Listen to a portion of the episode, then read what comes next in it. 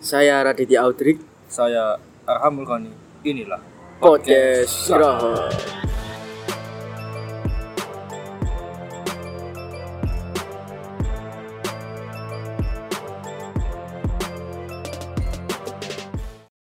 Kembali lagi di podcast Graham, Yonan, Radit dan Arham. Yoi, kali ini saya di sini sendirian ya karena rekan saya yang sangat saya cintai dan saya banggakan. Siapa lagi kalau bukan Raditya Dika? Bukan tuh. Ya Radit sedang cuti. Dia sedang apa ngarani sedang ingin menjadi pencinta alam yang sejati. Dia mau rencananya katanya mau naik gunung ya apa ya kayak pandemi pandemi ini malah gunung walau walau yes.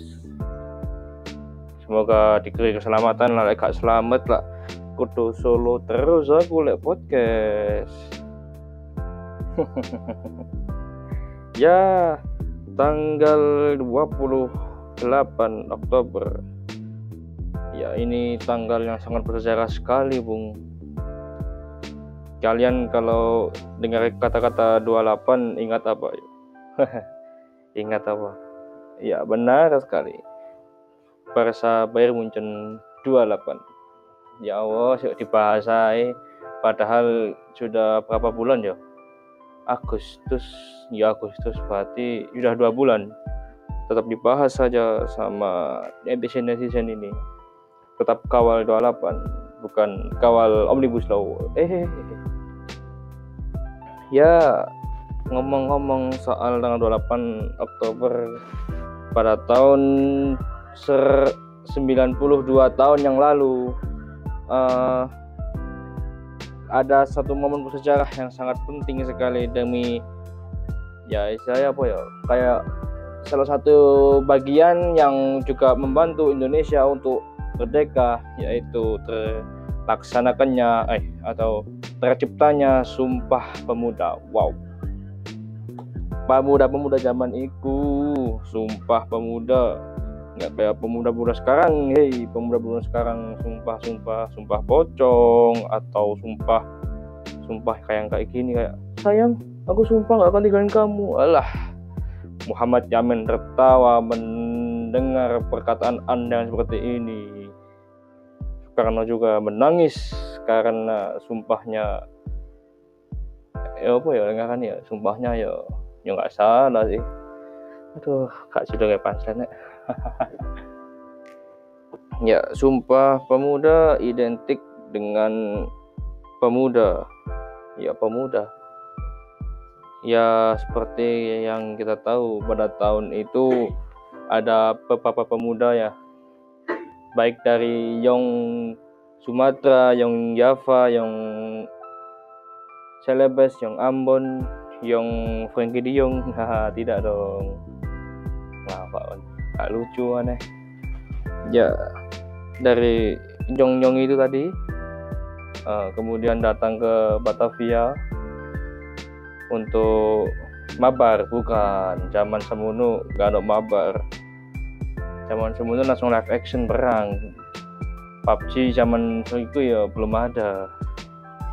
Ya zaman itu untuk apa ya kongres terjadinya kongres pemuda. Sebelumnya terjadi kongres pemuda satu pada tahun 1926 yang kemudian dilanjutkan dengan kongres pemuda dua pada dua tahun berikutnya. Ya pada kongres ini ya yang salah satunya ya terdapat dua dengaran ya. Result result hasil. Ya dua hasil yang sangat fundamental yang sangat apa yang sangat berharga yang sangat untuk memacu jiwa nasionalisme para pemuda zaman itu yaitu dengan lahirnya satu Sumpah Pemuda dan juga lagu Indonesia Raya pertama kalinya dikumandangkan tentunya nggak nyetel ya kak nggak speaker speaker DJ desa dong. Waduh speaker speaker DJ DJ DJ DJ desa ini sangat sangat wadidaw sekali. Like, misalnya kan no jarak 100 meter aja kerungu loh padahal wah emang ya kami nggak salah sih. Cuma apa ya? Ya kembali ke topik sumpah pemuda. Sumpah pemuda waktu itu apa ya ketua kongresnya apa su ketua kongresnya walah kok kali ya yaitu oleh ketuanya itu Sugondo Joyo Puspito.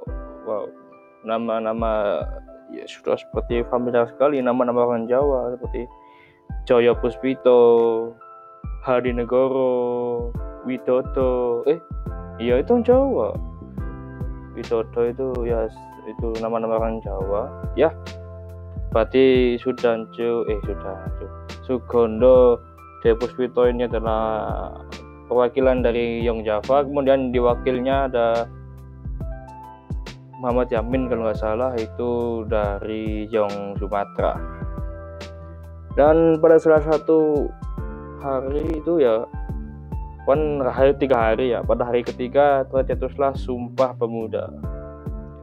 Ya yang isinya bukan seperti pemuda yang tadi sudah saya sebutkan dong yang sayang aku sumpah akan dengan kamu. Ah itu bukan itu bukan sumpah pemuda zaman itu.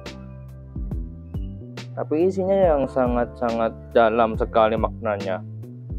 Ya seperti ya kita bacakan saja. Sumpah pemuda pada tanggal 28 Oktober 1920 8 ya isi sumpah muda yaitu yang pertama kami putra dan putri Indonesia mengaku bertumpah darah yang satu tanah Indonesia.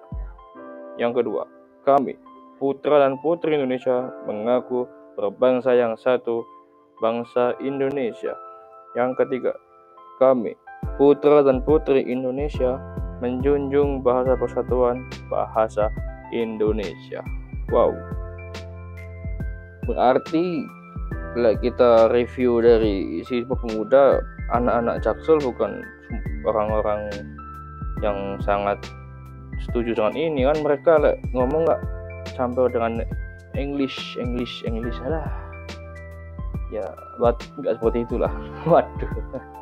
Kenapa saya jadi tertular bahasa Jaksel? Enggak enggak enggak and then nggak nggak. Kita pakai bahasa Indonesia aja. Dan kemudian waktu ini kemudian dilanjutkan ada dinyanyikannya lagu Mars Perindo. Ya bukan lagu Indonesia Raya yang pertama kali meskipun karena liriknya ya karena liriknya berarti kayak apa ya? Kayak musik-musik karaoke. Pekan tanpa lirik yang pertama cuman gesekan biola saja.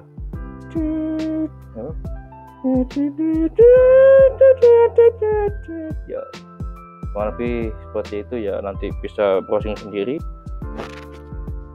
Zoom eh ini caranya pertama ya lagu dari WR Supratman Supratman saya Sudirman, Supriman.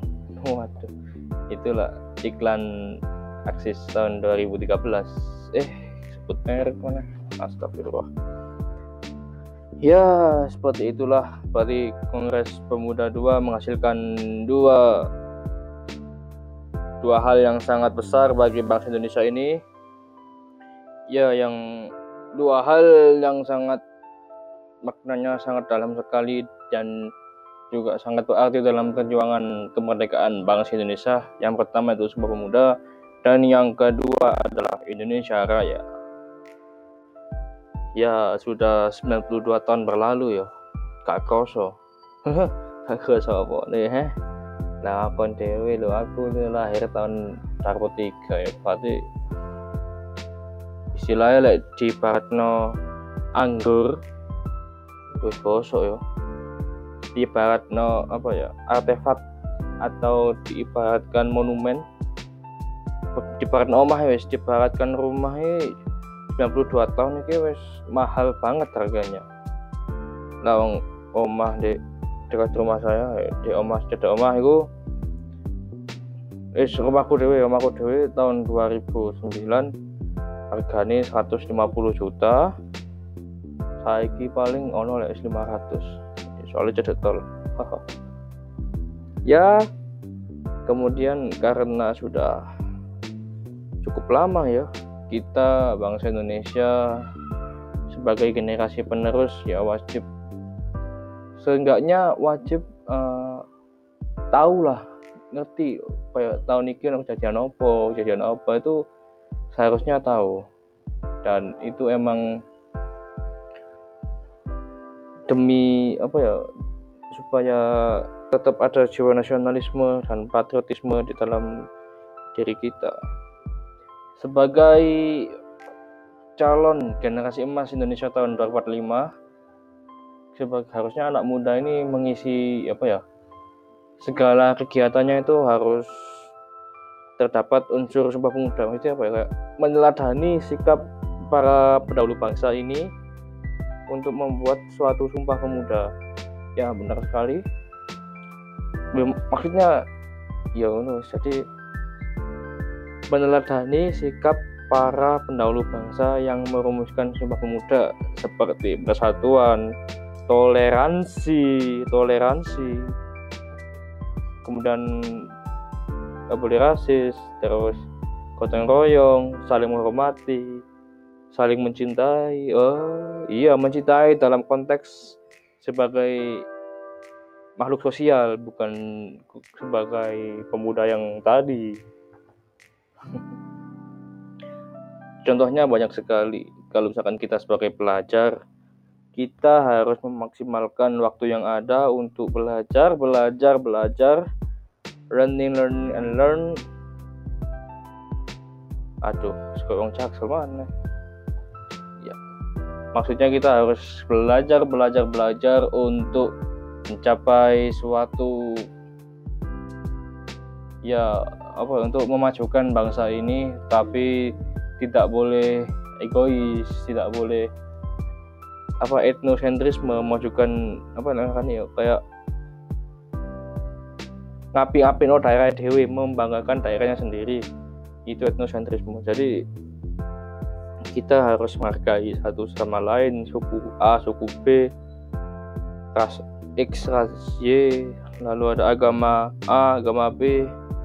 Ya kita harus menghargai harus toleransi harus bersatu. Karena sumpah pemuda dulu pas zaman pionir kan HP kan apa-apa tapi mereka bisa bersatu. Kenapa kita tidak sekarang? Media sosial membawa perpecahan sekali kan dulu di Twitter di Instagram di Facebook. Banyak sekali oknum-oknum yang memanfaatkan media sosial sebagai adu domba. Ya paling gampang ya karena ada seperti buzzer-buzzer yang wah sangat mengganggu sekali. Tapi ya gimana dan? Kita nggak boleh menyalahkan mereka. Kita harus memulai perbaikan itu dari diri kita sendiri. Contohnya nang koncomu wis. Nang kepada temanmu yang dekat. Dan misalkan beda suku atau beda agama sudah dilo no jangan jajak aja dihormati. Ya diperlakukan secara adil lah podo misalkan perlakuanmu kepada suku A itu harus sama kepada suku B. Nggak boleh beda. Dan seperti kayak mungkin dengan kalau misalkan yang relevan dengan zaman sekarang adalah kita sebagai pemuda itu sudah mulai berkarya menciptakan suatu karya yang sangat sekali mudah sekali untuk kita lakukan di zaman ini. Dan karya itu sebenarnya nggak boleh ya kalau misalkan menyinggung menyinggung agama lain menyinggung suku lain menyinggung ras lain apalagi dengan embel-embel dark jokes. Jangan jangan. Sebenarnya eh, sebaiknya nggak baik. Sebenarnya nggak boleh dan ya kita sebagai manusia hakikatnya kan tetap sama yaitu sama. Di mata Tuhan itu kita semua itu sama. Jadi sebagaimana mungkin kita memuliakan manusia satu dan manusia lainnya itu itu merupakan satu kewajiban dan Tuhan mengukur kita itu dari seperti itu. Jadi dari bagaimana sikap kita uh, dengan manusia lain itu merupakan hal yang penting dan sekali lagi tetap bersatu dan tetap menjaga persatuan kesatuan tanpa mengecek-ngecek suku lain.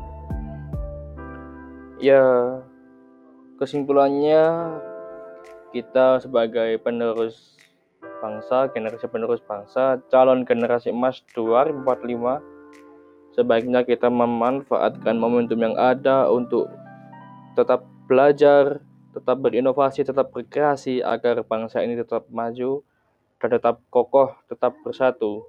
Seperti halnya yang para pendahulu bangsa kita ini inginkan dan cita-citakan yaitu dengan tetap menjaga persatuan dan kesatuan ya tiga harus toleransi saling menghormati dan masih banyak lagi hal-hal positif di luar sana yang mungkin belum saya sebutkan dan mungkin membawa perubahan dan dampak yang begitu signifikan kepada uh, bangsa kita ke depannya ini. Wow, tumben podcastmu membawa bahan topik yang sangat mendalam. Aduh, aduh, aduh. Ya, mumpung momentum Sumpah Pemuda ini kita harus mempertegas persatuan dan kesatuan dan harus gunakan bahasa Indonesia yang baik dan benar. Ya meskipun aku mang nggak bahasa Jawa, tapi kan ya istilahnya nggak apa-apa lah. Oke, sekian dari saya. Kalau lebihnya mohon maaf. Assalamualaikum warahmatullahi wabarakatuh dan tetap dengarkan podcast Gahar.